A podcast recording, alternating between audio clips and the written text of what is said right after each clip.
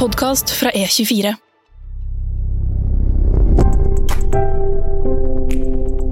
Og det tror jeg er den raskeste dusjen jeg noen gang har tatt. At jeg ikke skada meg eh, under den eh, dusjen der. og kom ned til kunden og rakk så vidt å ta heisen opp, bli vist inn i dette eksekutivrommet. Setter meg ned, og så reiser de andre seg opp og sier for da var møtet ferdig. Ei. Ukens gjest er en av Norges kanskje mest kjente næringslivsledere, med toppjobb i Hewlett Packard og Innovasjon Norge på CV-en. Nå har hun gjort eh, innovasjonsjobben internasjonal, med plass rundt bordet i Det europeiske innovasjonsrådet. Velkommen til Voksenpoeng med meg, journalist Nora Rydne i E24. Og velkommen i studio, Anita Krohn Traaseth. Tusen takk. Er du klar for eh, tre kjappe voksenpoengspørsmål? Ja. Hva er det beste du har gjort for karrieren? Det beste jeg har gjort for karrieren, det må være å sende søknad til trainee-stilling i IBM i 1996.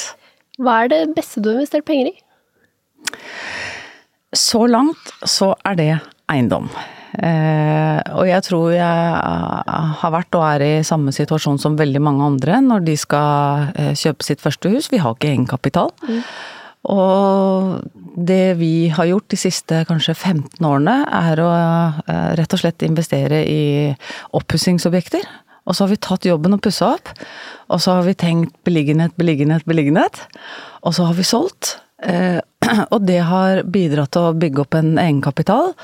Som vi da igjen har reinvestert i større objekter. Eh, og nå som jeg da er 50, så tenker jeg at eh, det er ikke noe tidspunkt nå for å bli gjeldfri. Det er tidspunkt for å fortsette å investere. Og så håper jeg kanskje at eh, hvis du stiller meg det spørsmålet om fem år, at jeg kan si at det er direkteinvesteringer i et par vekstselskap. Den reisen vi har hatt på aksjer de siste 20 åra nå, den får vi ikke igjen.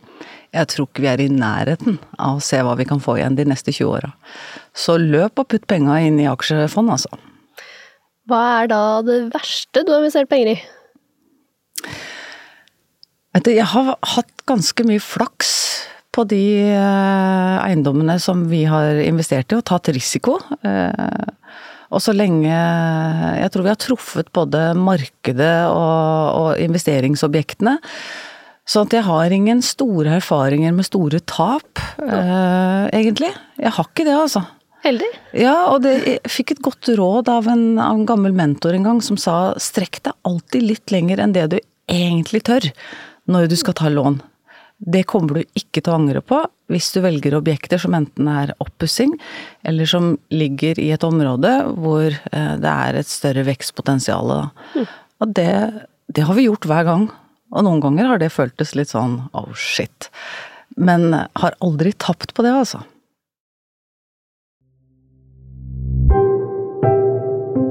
Anita, eh, hva ville du bli da du var ung? Ja, altså da jeg var eh, veldig ung, sånn ti-tolv eh, tenåring-type, da var jeg veldig glad i å danse. Eh, og så var jeg på en måte indirekte opptatt av juss, men da forsvarsdelen. Altså, altså, jeg så for meg at jeg kunne bli forsvarsadvokat. Ja. Og så skulle jeg da kombinere det Jeg tror kanskje jeg har sagt i et veldig tidlig intervju at jeg skulle bli danseadvokat. danseadvokat? jeg skjønte jo veldig fort at det finnes jo ikke.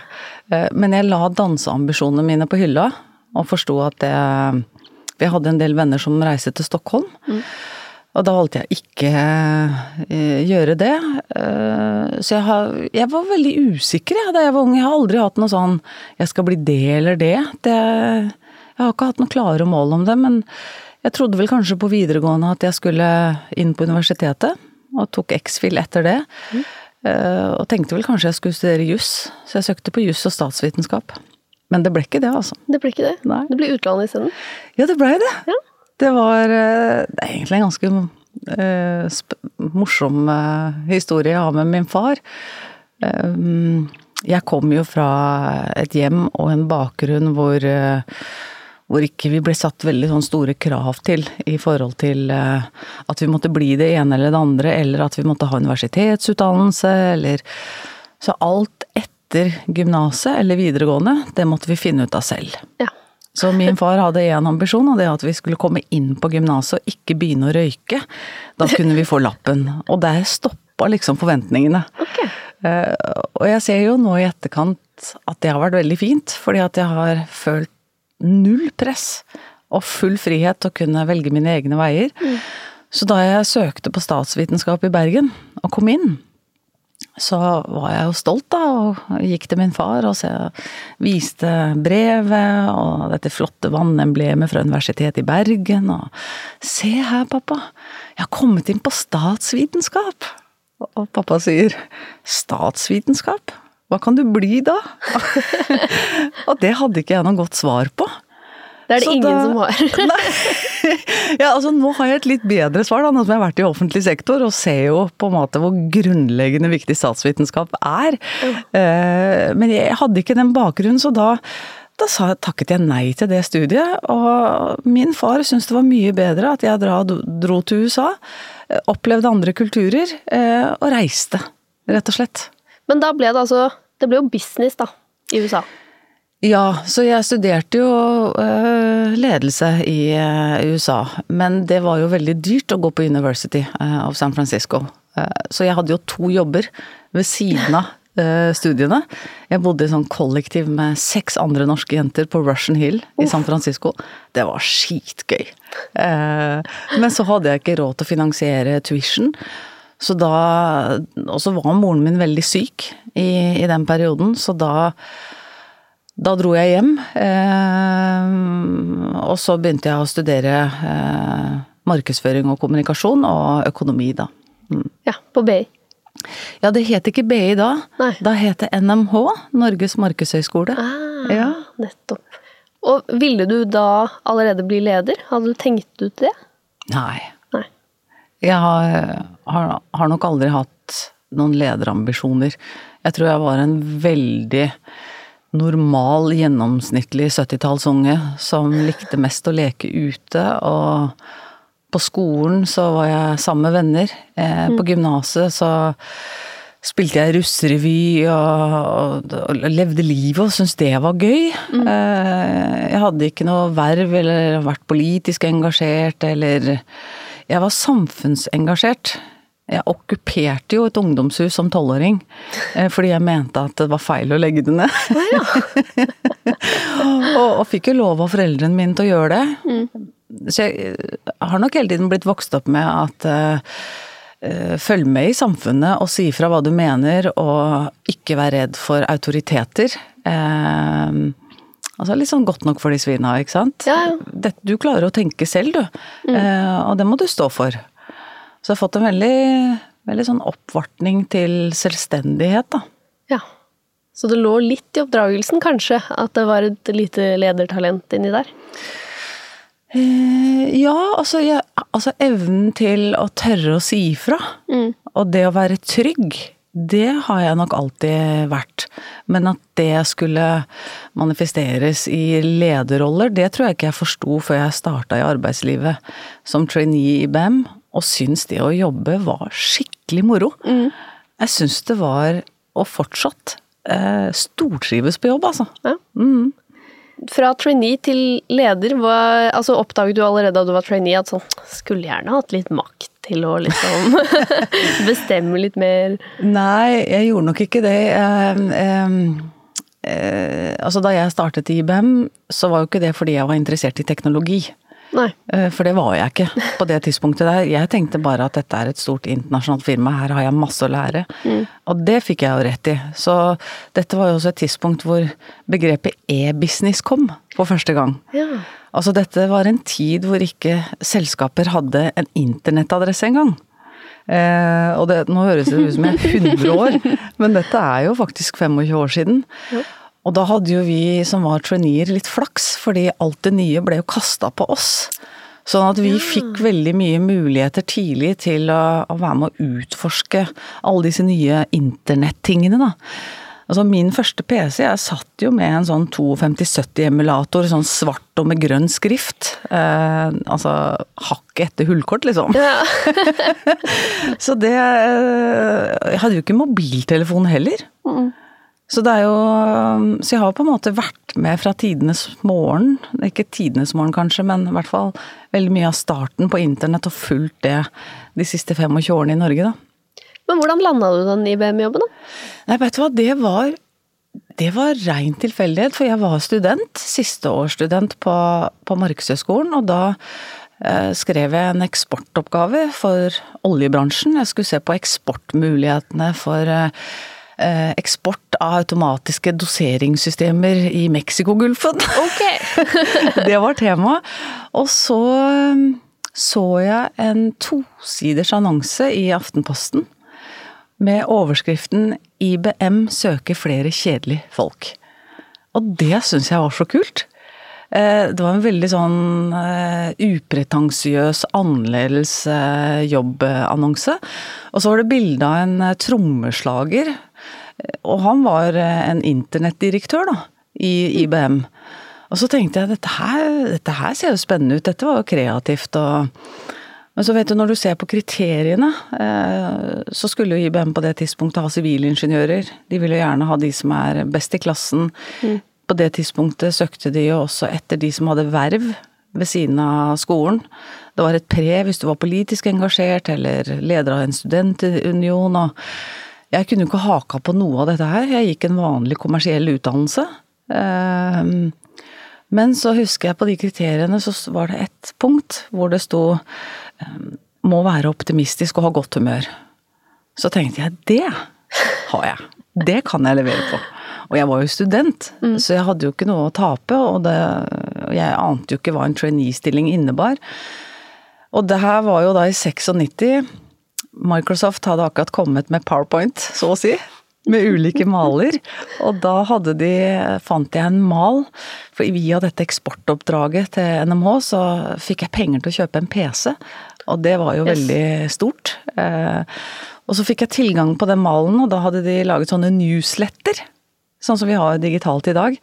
Og da lagde jeg rett og slett et fake newsletter hvor det sto IBM News og årgang sånn og sånn. Jeg har det ennå. Skulle tatt det med, så kunne du sett det. Det er skikkelig flaut. Eh, og så skriver jeg da som journalist eh, en artikkel ikke uventet 400 sendte søknader som trainee i IBM, men valget falt på Anita. Og så fortalte jeg hvorfor valget falt på meg. og det var søknaden. Nice. Eh, for du har jo ikke noe CV når du er student. Du har altså Jeg har jobbet siden jeg var tolv, på eggpakkeriet i fire år. Jeg har jo hatt masse ekstrajobber, men jeg har jo ikke hatt noen fulltidsjobb. Um, og så gikk det vel kanskje tre uker, og så ringer da fasttelefon. Uh, og sier hei, dette er Anne Rørne Andreassen fra IBM Norge AS. Og jeg husker, jeg husker følelsen ennå. Og jeg bare sånn, ble litt sånn rett i ryggen. IBM. Og så sier hun ja, vi ser at du har søkt på trainee-stilling du er jo overhodet ikke kvalifisert. Så tenker jeg, er det som man gjør i næringslivet? Ringer man rundt til søker og sier at du er ikke god nok? Er det liksom en greie? Slutt å søke her. Slutt å liksom, ja. Men så sier hun men fordi, eh, sikkert fordi jeg da ikke var sivilingeniør og hadde eh, Jeg hadde merkantil utdannelse, ikke sant, og det mm. var jo ikke det de var på jakt etter. Og så sier hun eh, men søknaden din er så interessant at deg har vi lyst til å kalle inn til et uh, intervju. Og det var rett og slett en hel helg med full testing av uh, teamoppgaver, IQ-tester, hele toppledelsen til IBM var til stede. Og vi visste ikke på slutten av dagen når vi ble delt inn i forskjellige rom, om det var et bra rom å være i, om vi kom videre eller ikke. Det var sånn reality for 50 år siden.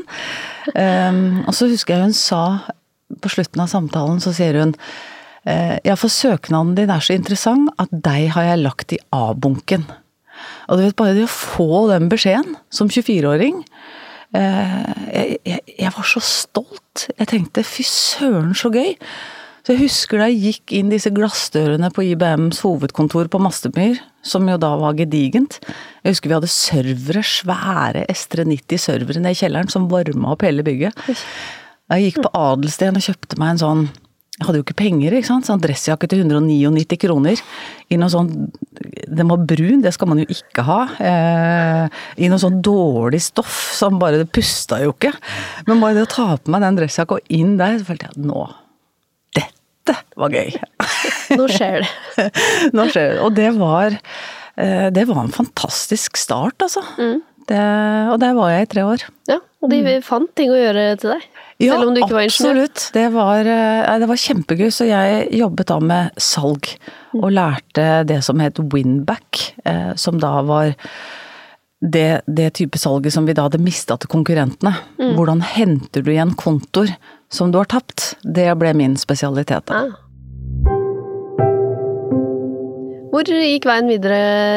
Hva skjedde liksom mellom IBM og Hewlett Packard? Ja, altså da var eh, Da jeg var i IBM, da, så, var det jo, så jobbet jeg jo med et, et salgskorps, syntes det var kjempegøy. Og da hadde en av disse selgerne sluttet å gå til en konkurrent. Og det var litt fy.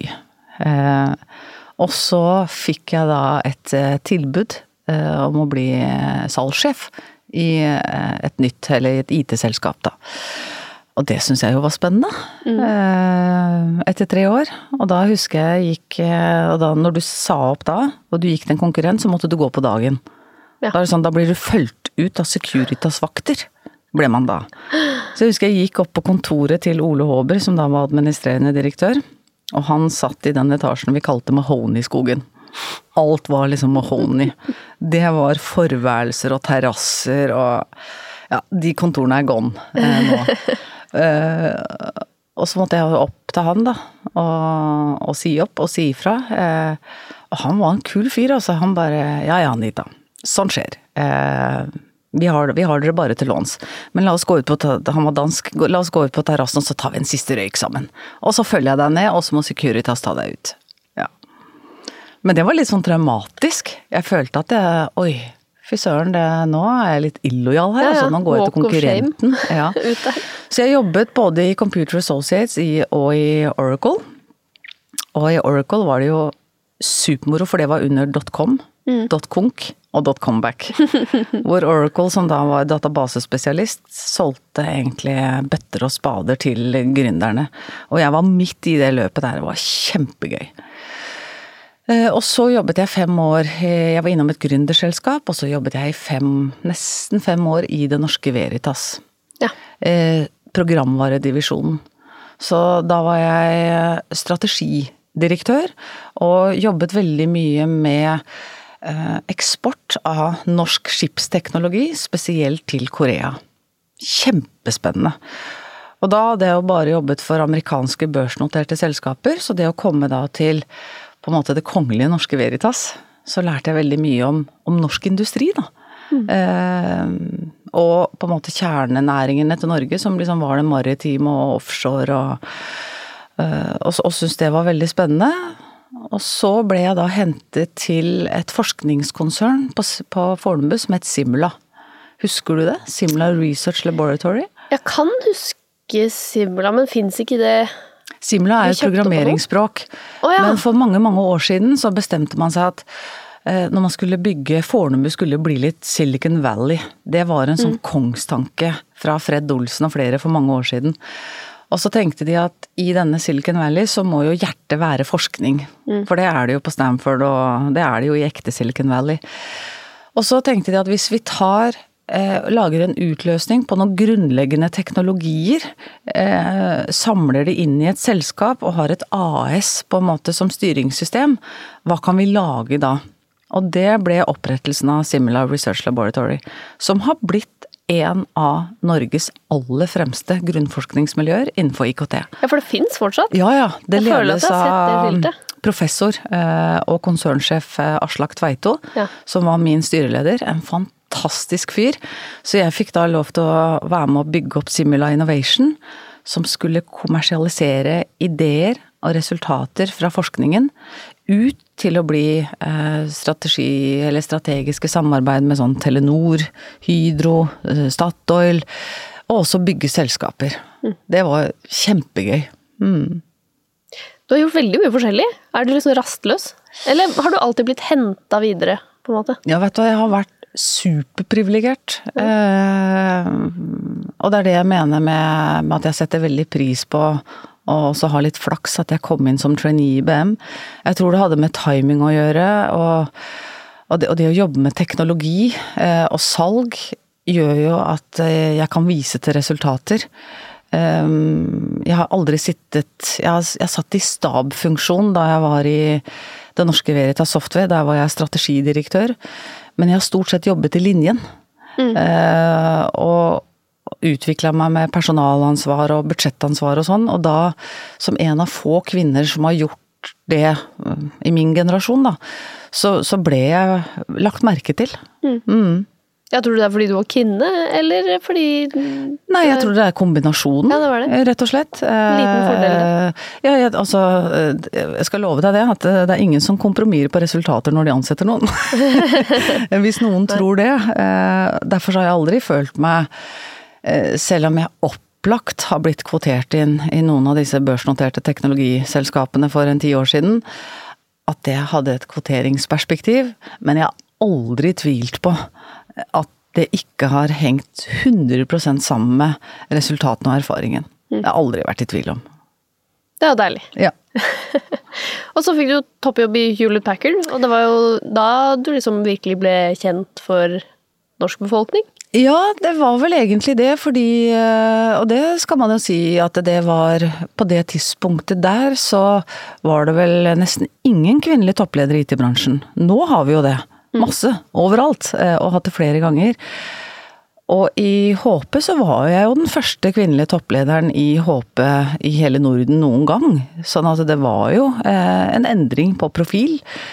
Ehm, så jeg fikk nok litt sånn, håper å si, gratis oppmerksomhet fordi jeg hadde den rollen, da. Men også fordi det var jo eh, i en tid hvor aksjeverdien til HP gikk fra rundt 50 dollar til 11 dollar. HP var skikkelig i transformasjon. Ja. Vi så Altså, de hadde ikke fulgt med i tiden. Vi så at uh, disse skyselskapene vokste opp. Det var 100 stykker som kom opp i Norge bare i løpet av seks måneder.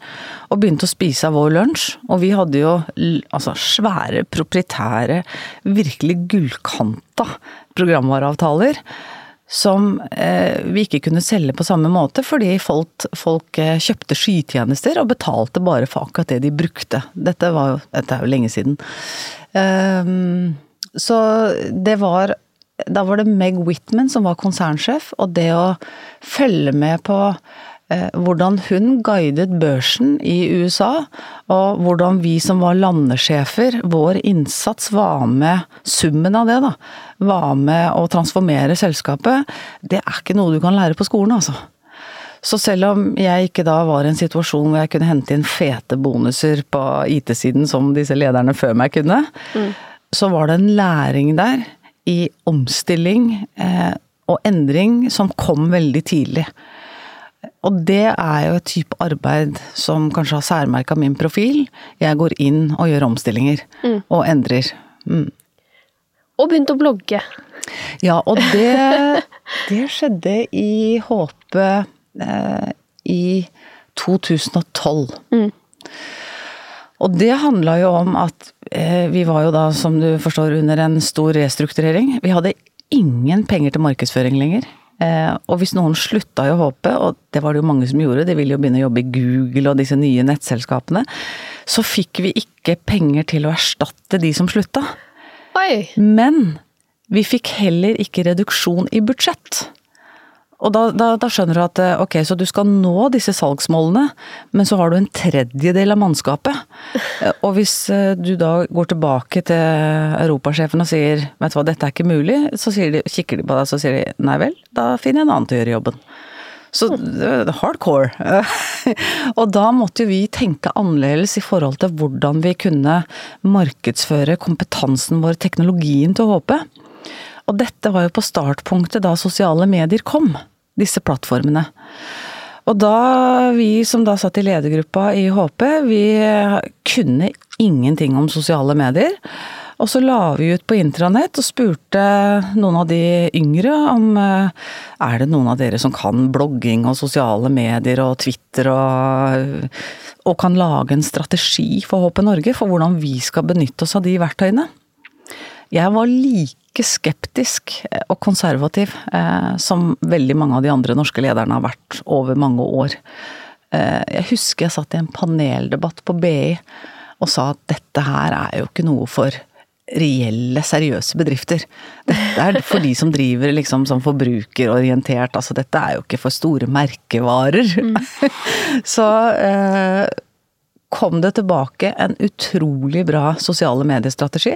Og vi skjønte jo også at det å opprette kontoer og det å bygge merkevarer rundt det, kosta jo ingenting. Men så var det en tydelig beskjed i den strategien. Du som øverste leder må gå foran. Hvis ikke du klarer å opprette en Twitter-konto og delta aktivt, så er det ingen av oss andre eh, som kommer til å gjøre det. Så du må gå foran. Og jeg husker da jeg eh, oppretta Twitter-konto og sendte min første tweet, jeg syns det var helt håpløst. Altså, hva er poenget? Kan jeg ikke bare plukke opp telefonen, ringe den jeg skal prate med? Men så skjønte jeg jo at dette her er genialt, for her får vi førstehånds dialog med kundene. Ikke sant. Du fikk jo ganske mye tyn for det etter hvert òg, da? Ja, det er fordi det er nytt, ikke sant. eh, og det, det, ser vi jo allerede i dag, at uh, Nicolai Tangen mm. får jo også ganske mye tyn for sin tilstedeværelse på LinkedIn. Han bruker LinkedIn på en helt annen måte enn tidligere eh, eh, roller har gjort før han. Eh, og det det tror jeg at dette tynet, eller eh, også naturlig skepsisen, da, det har egentlig ikke så veldig mye med personer å gjøre. Det er en slags dramaturgi som treffer deg. Ja. Når du begynner med noe nytt, eller utfordrer noen etablerte roller, så kommer den skepsisen. Så skremte deg ikke vekk, da? Du, liksom, du, er ikke sånn som tar til deg kritikk, eh, sånn kritikk? Du ligger ikke våken om natten og tenker at alle hater bloggen og Twitteren din? Nei, jeg tenker at du, du eh, Så lenge det er en, eh, en idé og og, og, og, hos oss så var det en forretningsstrategi. Jeg var bare ett av mange verktøy for å få til dette her. Altså Som leder så har du én oppgave, det er å få til resultater. Mm. og da, da kan man ikke outsource alle sånne oppgaver til alle andre. Du må også være med å skjønne ting sjøl, og spesielt når du leder et teknologifirma så følte jeg også at jeg var litt programforplikta til å sette meg inn i de nye sosiale medieplattformene. Og forstå hvordan man bygget nye forretningsmodeller eh, på, eh, på Twitter. Eh, og på LinkedIn og på Facebook. Og det endra jo veldig mye av kundekommunikasjonen og posisjonering av selskapene, som, som igjen går rett på bunnlinjen. Og det er jo det som har vært mitt på en måte driv inn i sosiale medier. Men så er det jo sånn at eh, jeg kan ikke bare pushe ut informasjon om eh, en HP-maskin eller en outsourcing-avtale. Det er kjedelig. Eh, de vil også vite litt om hvem jeg er, hva slags type ledelse jeg driver med, hva jeg bruker tiden min på. Derfor laget jeg en blogg. Og det var også som en anbefaling fra strategien. At da var jo blogg ganske nytt i 2012, i hvert fall blant næringslivsledere. Mm. Nå skriver jo alle blogg. Altså, jo, så nå er blogg ut, ja, okay. spør du meg. Ja, ja. ja, nå er det ut. Eh, nå, er man jo, nå har man jo podkast. Altså, det er jo blogg med lyd. Ja. Egentlig. Det, nå, nå, begynner jo alle å lage podkast òg, da, så ja, sier det snart ut òg. For du vet at når næringslivslederne begynner å lage sånn interne podkaster, da er du ferdig. Det er som foreldrene dine som kommer ja, på Facebook. Det er liksom bare Men den, den, den, bloggen jeg lagde, den handla jo om å dele erfaringer eh, på veien, altså rett og slett fra å være trainee til å bli CEO. Mm. Jeg ville jo være med å bidra til rekruttering av flere kvinner inn i lederposisjoner. Og da var en måte å gjøre det på, var jeg delte jo jobbsøknaden min til topplederrollen i HP. Ja. Det hadde jo ingen andre gjort før. Eh, jeg delte jobb, første jobbsøknaden i IBM.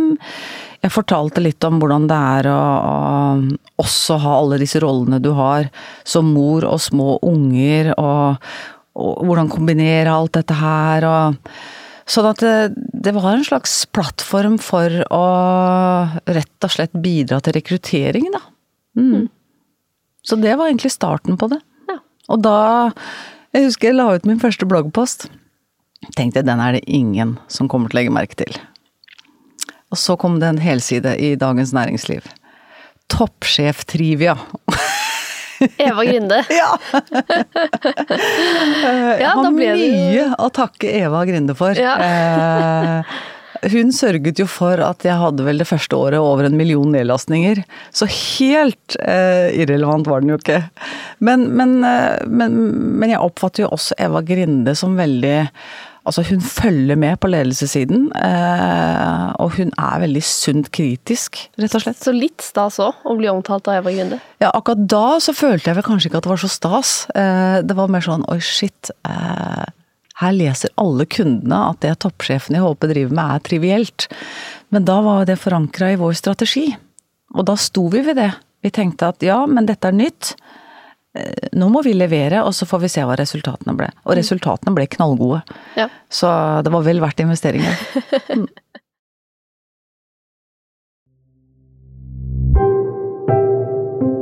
Vi har en spalte her i podkasten som heter Tabbespalta. Ja. Hva er den største tabben du har gjort i karrieren? Tabben? Åh, oh, ja. Jeg skrev jo om den i den første bloggposten, tror jeg. Oh, ja. Eh, og det, det Nå kan jeg fint snakke om det uten å få liksom sånn vondt i magen. Eh, men da jeg hadde fått denne jobben som toppsjef i, i HP Norge, så skulle europasjefen fly til Norge og møte meg. Eh, og det var første gang han da skulle møte meg som ny leder. Hadde jo møtt han i intervjusammenheng, men hadde ikke kommet til Norge mens, da jeg var ny leder. Og så skulle vi samtidig møte en av de største kundene våre. Altså et stort norsk selskap. Og vi skulle møtes utenfor hos den kunden klokka ni. Og så våkner jeg klokka ti. Åh! Vet du hva? Altså, det var så grusomt. Og jeg husker jeg, jeg, jeg, Vet du hva, det var helt krise. Jeg tenkte hva, hva, har jeg gjort nå? Hvorfor har jeg Det var helt stille i huset. Og så, og så begynte hodet å kverne, så tenkte jeg ok, er det snø ute? Eh, kan jeg skylde på trafikk? Det var sånn, det er en nydelig vårdag. Her er det ikke noe trafikk, liksom. Og så gikk det ikke lange tiden før jeg tenkte at vet du hva, jeg må ringe sjefen min. Og så må jeg bare fortelle det som det er. Jeg har forsovet meg. Og dette er så skammelig eh, og føles så dårlig, men, men det, det, er det som har skjedd. Så jeg ringte sjefen min, Hans Daniel heter han, har fortsatt kontakt med han, en fantastisk sjef. Så sier jeg, Hans, jeg er så lei meg. Jeg har forsovet meg, men jeg er på vei nå. Og han er helt rolig. Du vet Når du har driti deg ut, så har du lyst til å, du har lyst til å møte en som er rolig da. Du har ikke mm. lyst til å møte en som skjeller deg ut. Så sier han bare Slapp av, Anita. Dette går bra. Kom deg ned eh, til denne kunden, som jeg ikke skal si hvem er, så fort du kan. Og det tror jeg er den raskeste dusjen jeg noen gang har tatt. At jeg ikke skada meg eh, under den eh, dusjen der. og kom ned til kunden, og rakk så vidt å ta heisen opp, bli vist inn i dette eksekutivrommet. Setter meg ned, og så reiser de andre seg opp og sier for da var møtet ferdig. Ei. Og så går vi da ut uh, av Jeg husker hele holdningen min var sånn kuet rygg, skjønner du. Mm. Og så sier jeg at Hans, vet du jeg er så lei meg. Dette her syns jeg er så grusomt. Uh, og så bare kikker han på meg med den roen han har, da.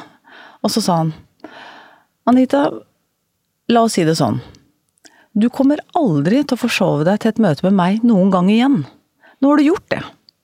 Og så sier han, men det kunne jo vært fint om du kunne ha sendt meg en brief på den kunden før jeg møtte kunden. Og vet du hva som hadde skjedd da, Nora? Briefen lå i outboxen. Så han hadde ikke fått briefen heller. Oi. ja, nei, vet du hva, det, det der uh, syns jeg var uh, du fikk. Ikke, du fikk noe, ikke noe liksom reprimande for det? Nei, og det tenker jeg på en måte sier noe om veldig mange av de lederne jeg har hatt eh, måten de har håndtert sånne ting på, spesielt Jeg var jo fortsatt ung, ikke sant. Det er jo, det er jo, det er jo noen år siden dette her. Eh, helt ny i rollen. Og de som har levd noen år, vet at sånne ting kan skje. De fleste ljuger i en sånn situasjon. Ja, jeg, jeg hadde tror, 100% gjort det. var sånn, jeg, ja. jeg, er død. Jeg, Han satte så pris på at jeg ikke jugde, ja. og vi fikk et så godt forhold i de årene. Han visste alltid at hvis det var noe, så ville jeg si fra. Så han brukte anledningen også til å skape tillit, da. Med meg. Eh, og det har jo jeg tatt med meg videre også, sagt til mine når jeg har hatt mange som har rapportert til meg, at hvis det er et eller annet, ikke gidd å ljuge. Ikke mm. skyld på liksom det ene, bare si det som det er. det er lov å drite seg ut. Så bestemte du deg også for å bli leder i det offentlige? Etter å ha vært i Det har jeg jo aldri bestemt meg for. Jeg har aldri hatt noen ambisjoner om å jobbe i offentlig sektor. Ok, hvorfor ikke? For meg tror jeg det var like fjernt eh, som, eh, som det er for mange i offentlig sektor å jobbe i et børsnotert amerikansk teknologiselskap. Men eh, jeg hadde ingen planer om å slutte i HP da hodejegeren ringte i, før jul i 2013.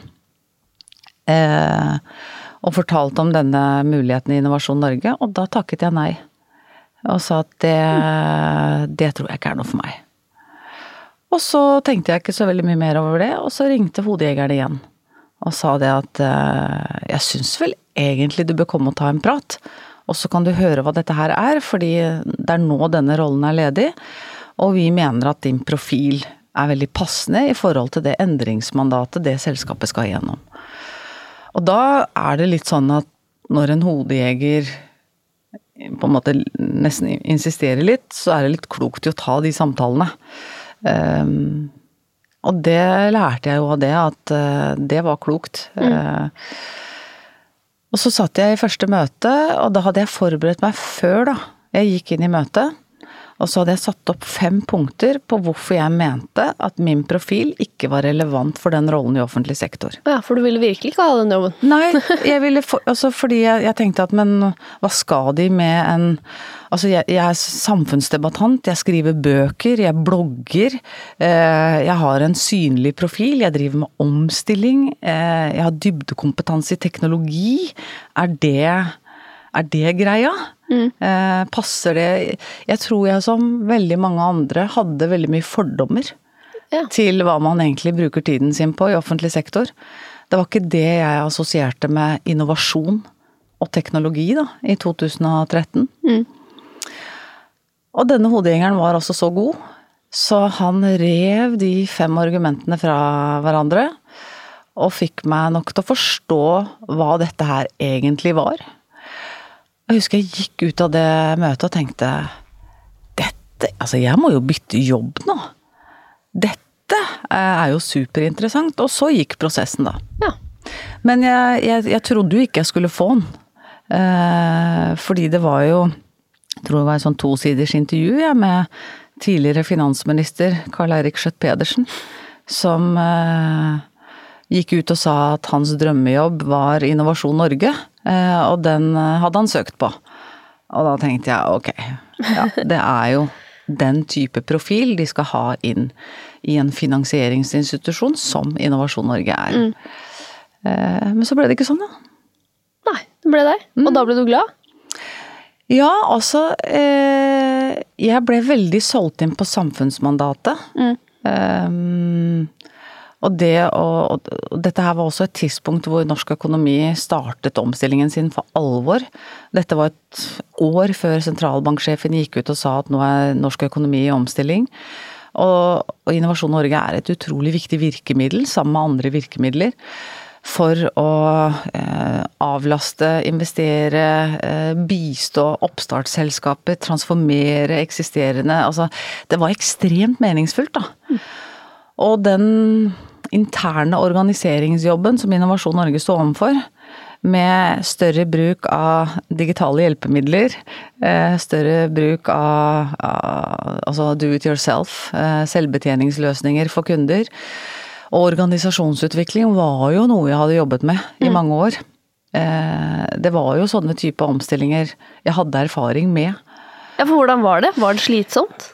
Eh, ja, altså det var eh, Det var et nesten fem års langt maraton. Ja. Som er kanskje noe av det mest givende, lærerike, morsomme, krevende jeg har vært med på.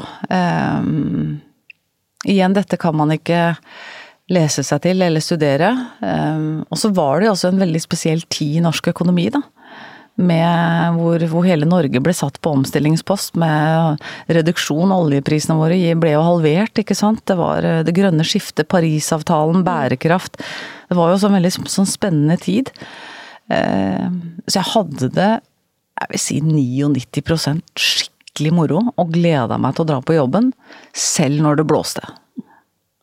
Ja, for det var altså Det var mye styr med ting som skulle endres, og så kan jeg jo se for meg at offentlig ansatte ikke er like gira på det som folk i IT-bransjen, privat ja. IT-bransje. Var det sånn Ble du en populær leder med en gang? Nei, jeg tror nok eh, eh, Hvis noen ledere tror at de er populære med en gang når de kommer og skal endre, så tenker jeg da er, da er det et problem med selvinnsikten. eh, jeg tenker at kanskje får du med deg 10-20 maks mm. som er begeistra sånn oppriktig. Og så er det en ganske høy prosentandel som er avventende. Eh, kritisk avventende, og som er helt nødvendig at de er. Fordi du kan ikke ha med deg alle på en endringsreise med en gang. Mm. Og så når, når, Jeg vet dette ordtaket 'alle skal med'. Jeg tror ikke på det. Alle skal ikke være med i begynnelsen. På sikt så er det fint om at veldig mange er med. Men det ligger i vår natur at det å være opptatt av strategi og endring, det er ikke alle interessert i. Eh, de er interessert i å gjøre en god jobb, jobbe med sitt fag, og det er det de har lyst til å fordype seg i. Og det tenker jeg er helt greit. Ja. ja. Var det det, Gikk du inn og sa det? Ja, jeg tror jeg var ganske tydelig på første allmøte, hvor jeg sa at denne, denne jobben, den kommer til å bli krevende. Eh, og jeg har et tre til femårsperspektiv. Og da tenkte jeg at eh, ok, for de som syns at endring er morsomt, så blir det noen år nå. Og for de som tenker at dette har vi ikke lyst til, ja hun er ferdig om tre til fem år uansett. så jeg var nok veldig sånn eh, veldig tydelig på at eh, jeg vet at sånne type oppgaver du kan ikke gjøre det over for mange år, da må det inn i en ny fase. Mm. Du kan kutte kostnader til et visst punkt, så må du begynne å reinvestere igjen. Eller så kutter du beina av selskapet. Og da blir eh, produksjonen dårlig. Så har du måttet stå i en del stormer, da. Og den mest nylige blir vel ansettelsen av Katarina Andresen, mm. altså arvingen. Eh, der det ble stilt spørsmål om det var liksom noen, eh, noe du hadde ordnet for henne. Mm. På grunn av hennes ja, posisjon i samfunnet, da. Mm. Det ble styr. Det ble styr. Eh, og, og, det er klart at det var jo en, en slags sånn storm eller black swan som, som, det er veldig vanskelig å forberede seg på, da. Mm. Men jeg tror at uh, litur, altså, dramaturgien her, dette var for spennende. Ikke sant. Der hadde du liksom uh, Norges milliardær, yngste arving. Og så har du den blonde, litt omtalte sjefen i Innovasjon Norge.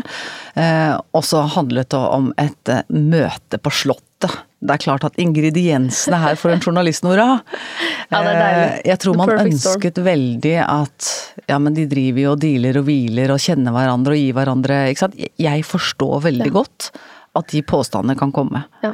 Og det, det, er jo sant for ganske store deler av næringslivet, det. Ja, og, det, og det, det, sånne ting skjer. Mm. Og, og, jeg mener jo at det er helt rettmessig, rettmessig å gå etter det og avsløre det. Men i dette tilfellet så stemte det jo ikke. Så påstandene om at, at, at jeg kjente henne fra før, og, eh, og, at hun fikk en fordel der, og at det var feil i, i, i ansettelser og sånn, det, det, har jo vi nå en flere hundresiders rapport, ekstern granskning, som viser det motsatte. Eh, og da, da var det viktig for meg eh, Jeg må jo si jeg syns medieoppmerksomheten da, ja kanskje spesielt fra E24, var ganske slitsom. Mm. Um, men da, desto viktigere da var det å, å, få jobbet fram bevisene, da. Ikke sant? Fordi at man blir jo forhåndsdømt. Uh, og, jeg er jo helt enig i at uh, er dette feil, så skal det tas. Men jeg visste jo at uh, dette ikke var feil. Og da kan jeg jo ikke legge meg flat som en leder og, og kaste en saksbehandler foran bussen for at jeg skal få ro. Mm. Det mener jeg er feigt. Så, så vi gikk gjennom den granskningen, og da gransket de jo alle ansettelsene i min tid. Mm. Eh, og de Jeg husker jeg var Dette er også skrevet om i Fisken på disken. Så kommer inn til en sånn ekstern eh, partner, nesten sånn som på film, som står der med en sånn jernkoffert. Og så må jeg levere fra meg mobilen min og PC-en, og så tømmer de den for å se om det er noe som helst dialog mellom meg og Katarina Andresen, for å se om det er noe urettmessig, om jeg virkelig kjente henne eller ikke. Okay. og det tror jeg ikke dere journalister visste om, at det er en del av granskningen. Eller? Godt mulig. Jeg vet ikke. Ja. Dette var før min tid. Og det, det syns jeg var litt spesielt. Da følte jeg meg nesten som en sånn Selv om, eh, selv om jeg jo visste at, at ting eh, ikke hadde foregått så altså, suspekt i det hele tatt, mm. så var den følelsen av, av, av å bli behandla som en kriminell, skjønner mm. du, den, den var den var spesielt, altså. Men beholder du liksom roen i sånne situasjoner, eller mister du nattsøvnen av det? Nei, jeg mister ikke nattesøvnen, og det tror jeg handler om at, eh, at jeg syns det er verdt å stå i, da. Mm. Fordi eh, jeg mente jo, eh, og har jo også bevis nå, på at påstanden ikke stemte. Men det jeg gjør i sånne situasjoner, det er jo å jobbe veldig tett med de som er rundt meg. Og så skjermer jeg meg fra mye aktivitet på ettermiddag og kveld. Fordi det tar jo mye energi. Jeg husker jeg skulle møte en, en venninne på en kaffe eh, på Bristol, og da sto det journalister i biler utenfor for å ta bilder av meg og for å få korte kommentarer og Det var ganske mye greier, altså. Ja. Eh, så det man må gjøre da, er egentlig bare å øh, løfte perspektivet, vente ut til at, at, at jobben er gjort. Og så må man stå rakrygget selv om det er eh, slitsomt. Men man trenger ikke å stå alene, og det mener jo jeg er en litt sånn pompøs eh, uttalelse at man sier at det er så ensomt på toppen. Det, det, er i så fall et frivillig valg. Mm. Så hvis man, og spesielt når det er krevende, ikke ber om råd, ikke jobber tett med sine, ikke tar imot korreksjoner, andres analyser om hvordan oppfattes dette. Vi hadde jo debriefs hele tiden med ledergruppa. Hvordan gikk dette her? Hva kan vi lære? Eh, og det tror jeg er helt nødvendig, og da, da følte jeg meg ikke alene, da. Du er veldig god på network, Anita, har jeg inntrykk av. Mener du det? Ja, er du ikke det? Du er veldig out there og sånn. Altså du ja, er aktiv på sosiale medier, snakker med folk Men vet, De som er aktive på, på, sosiale medier, har en litt introvert profil. Er du Ikke kom her og si at du er introvert. Jeg er ambivert. Ja, ok. Ja. ja jeg er testa av Du er ikke innadvendt, i hvert fall. Jeg er ikke innadvendt. Jeg er eh, like mye ekstrovert som introvert. For det jeg lurer på, hvordan, eh, hvordan blir man liksom en leder med stort nettverk uten å gå Birken? Eller være med på sånn Tour de Finance. Eh, eller um, stå på ski, eller uh, jeg vet ikke, jogge. Liksom, eh, du har ikke den klassiske sånn næringslivslederprofilen? Nei, virkelig ikke, og det tror jeg nok også kanskje var Eh, noe av det som skapte interesse, kanskje spesielt hos mediene, da, da jeg var toppsjef i HP, var at jeg ikke kunne plasseres i den båsen.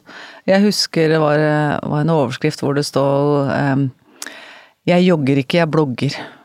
Ikke sant? Så jeg har jo andre interesser enn kanskje mm. veldig mange andre, og det, det å skrive for meg eh, er jo en stor interesse. Jeg har jo skrevet tre bøker, og og, og, er jo kommentator og spaltist og, og liker å skrive, da. Mm. Det er jo ikke alle ledere som gjør. Uh, og så er jeg jo blitt veldig glad i, i Jeg er veldig glad i å gå på sant? Jeg er veldig glad i musikk, jeg er glad i teater, jeg er glad i Ibsen, jeg er glad i gammel litteratur. Jeg har nok en litt sånn rar profil kontra den derre tradisjonelle Birken-greia? Ja, du er vel litt mer sånn Isbader ikke heller, altså. Nei, nei, du er Du får ikke meg i et isbad.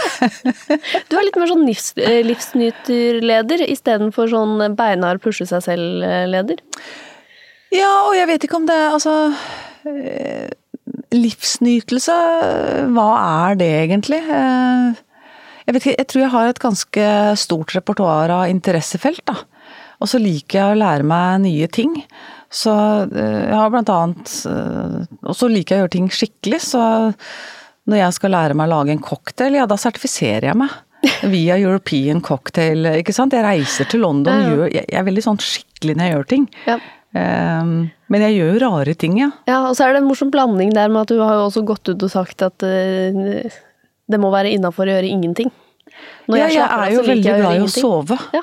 Jeg tror at uh, hvis du er uh, hvis du har små barn, eh, og dere er to i familien som elsker jobbene deres, eh, og har kanskje litt sånn for høye forventninger til hvordan dette familielivet og, og, og barn og alt dette her skal fungere, så har jeg hele tiden prioritert å istedenfor å trene og rydde og lage hjemmelaga mat og alle disse tingene, så har jeg, jeg har prioritert en times søvn tre ganger i uka. Det har vært fantastisk. Ja. Og det er mulig å få til, det, altså. Ja, hvis man bare dropper litt andre ting. Det er bare å Birken. lukke døra til den vaskekjelleren, den forsvinner jo ikke. Det er bare, ja. Og så er det noe med å lære disse barna å være med å ta i et tak, da. Det fikk jeg jo også litt trøbbel for. Jeg skrev jo en artikkel i Aftenposten, Fem råd til unge kvinner med ambisjoner. Mm. Eh, hvor jeg skrev i anførselstegn at det, av og til så er det ok å la barna gå litt for lut og kaldt vann. Som en motsats til all den derre curlingen med at alt skal tilrettelegges og de skal kjøres og du skal legge fram klær til de og Hvorfor det? Ja, da ble det skandale. da ble, altså var det jo en mishandler. Da var jo en, en, faktisk en psykologspesialist som mente at jeg både bedrev og oppfordret til omsorgssvikt. Og det tenker jeg at da har vi ikke kommet så langt fortsatt, altså. Men da fikk du jo tatt et lite oppgjør med mamma-politiet, da. Det, for det er jo det han psykologen sa, er jo Ja. det mange unge kvinner hører i internettforum av andre unge kvinner. Ja, og jeg Eller tenker det pressen jeg ser på Instagram, en del av, av de mødrene som, som på en måte lever av å være heltidsmødre og, og influensere og, og, og hvordan disse barna har nystrøkne klær og, jeg vet da rakker, det er så mye utstyr og så mye greier. Det må jo føre til et slags press, da. Jeg har nok litt lyst til å være en motvekt til det. Eh, og si at vet du hva, det er godt nok, slapp av.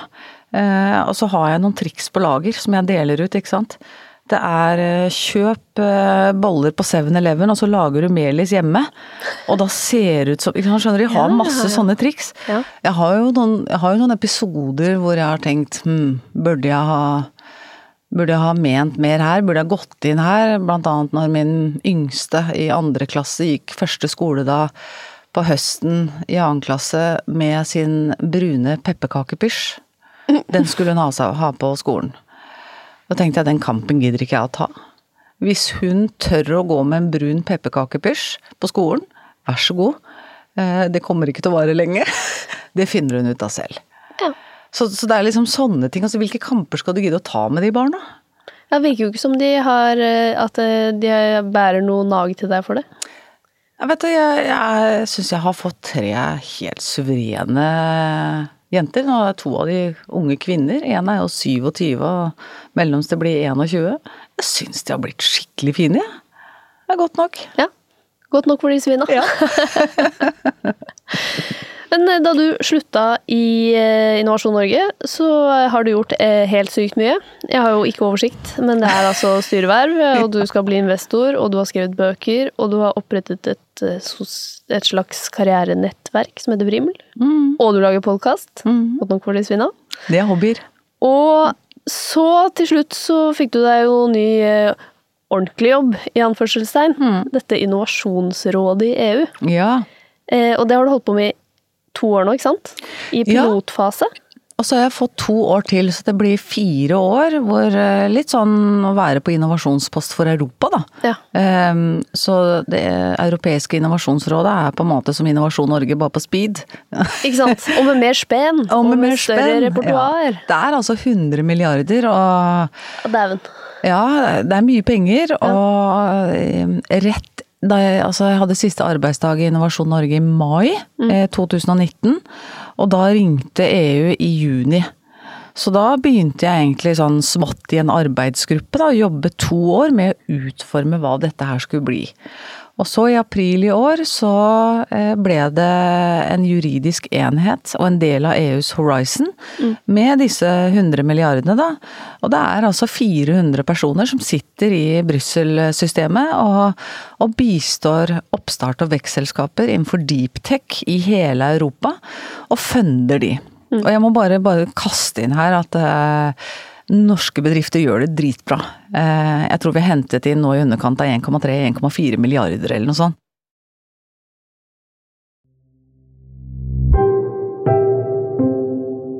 Men hvordan naila du den jobben her, da?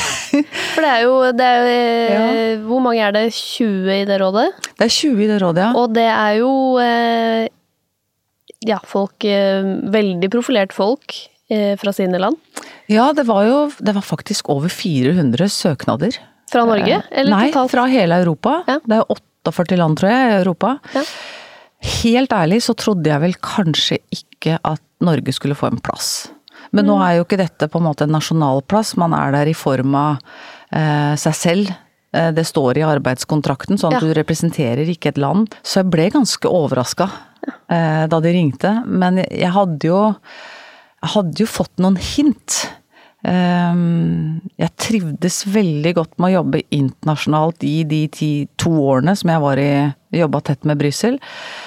Og fikk en veldig god dialog, og fikk mye gjennomslag. Jeg ledet også en arbeidsgruppe som handlet om eh, eh, technological sovereignty, for å se på hvilke teknologier vi i Europa er nødt til å investere i, for å sørge for at vi har plattformuavhengighet, da. Mm. Det blir bare viktigere og viktigere. Så jeg, jeg følte liksom hele tiden underveis at, at jeg fikk gode tilbakemeldinger på innsatsen, for det er jo det som teller. Mm. Dette er ikke et sted hvor du sitter på pynt, altså. Og det som er fint med dette her, er jo at eh, det gir meg jo også en veldig sånn stor frihet. Fordi eh, jeg, jeg sitter også i tolv norske styrer. Jeg er styreleder i fem av de, og har investert i to av de. Ja. Og linken opp, også hele den røde tråden her, er jo teknologi, innovasjon og vekst. Og det å kunne jobbe tett med norske eh, administrerende som jobber med vekstselskaper som skal ut, det føler jeg er en sånn slags naturlig forlengelse etter å ha vært operativ sjef lenge sjøl, da. Jeg får veldig mye glede av å, å, å lede fra et styrenivå. Det er fortsatt et lederansvar. Det er et stort lederansvar å gjøre det. Hva vil du oppnå da, på disse to årene? Hva er målet? Nei, altså Målet nå er jo Nå er jo EIC ferdig i pilotperioden. Eh, og målet er jo at dette her skal virkelig forankre seg. Altså håper jeg Jeg håper vi dobler budsjettet, altså. Ja. Eh, 100 milliarder er mye, men det er ikke nok.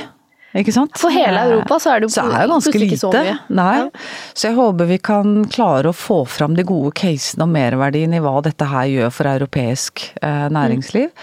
Og at vi får eh, økt budsjettet. Og så håper jeg at jeg gjør en så god jobb at eh, de tenker at eh, neste gang så skal de hente en annen fra Norge.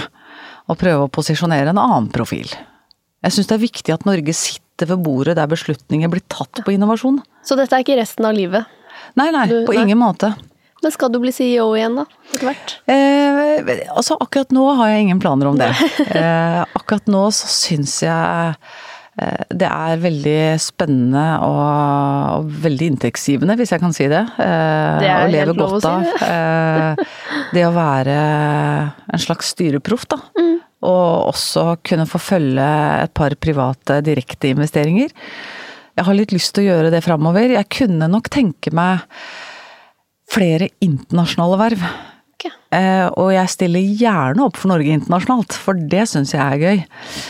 Men det er klart, skulle det komme en eller annen rolle som jeg ikke har tenkt over, og som bare er sånn 'dette kan jeg ikke gå fra', så, så skal jeg vurdere det. Men, men jeg er nok ikke på jakt etter det. Nei. Men jeg har jo lært av forespørselen fra Innovasjon Norge. Ja. Jeg hadde jo ikke noen planer om å begynne der heller. Så det, det er litt sånn Hakuna Matata. Det er litt sånn Hakuna Matata, men, men eh, jeg tenker at i løpet av et eh, langt arbeidsliv så skal du forsyne deg av forskjellige oppgaver. Og, og nå prøver jeg å, å finne ut av hvordan kan jeg kapitalisere best mulig på de erfaringene jeg har. eh, Og samtidig ha det skikkelig moro. Og det å kunne ha Altså ytringsfrihet er viktig for meg, da. Og det å få lov å fortsette å skrive, det har jeg tenkt det. Mm. Så det kommer flere bøker. Ja, Ja. det blir spennende. Mm. Tusen takk for at du kom hit i dag, Anita Krohn Traaseth. Produsent i dag, det var eh, Sunniva Glessing. Og hvis du f.eks. vil lese skoledagboka til eh, Anita, så må du gå og følge oss på Instagram. Eh, Der heter vi Voksenpoeng med Nora.